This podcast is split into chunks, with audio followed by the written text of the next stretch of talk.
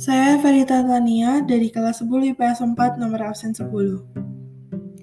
Di sini saya akan menjabarkan ulasan saya mengenai Parade Musik Daerah tahun 2017. Tujuan pertunjukan musik tersebut adalah sarana hiburan bagi masyarakat dan juga bertujuan untuk melestarikan musik tradisional di Indonesia. Pertunjukan seni musik ini menggunakan tangga nada pentatonis dan diatonis. Tangga nada diatonis disusun terdiri dari tujuh komposisi nada primer dengan interval satu atau setengah setiap nadanya. Nada diatonis terdiri dari do, re, mi, fa, sol, dan la. Pentatonis hanya memiliki lima nada primer. Alat musik yang biasanya dimainkan dengan nada pentatonis ini seperti calung, gamelan, gambang kromo, tifa, dan Indio Cardo 4 dawai.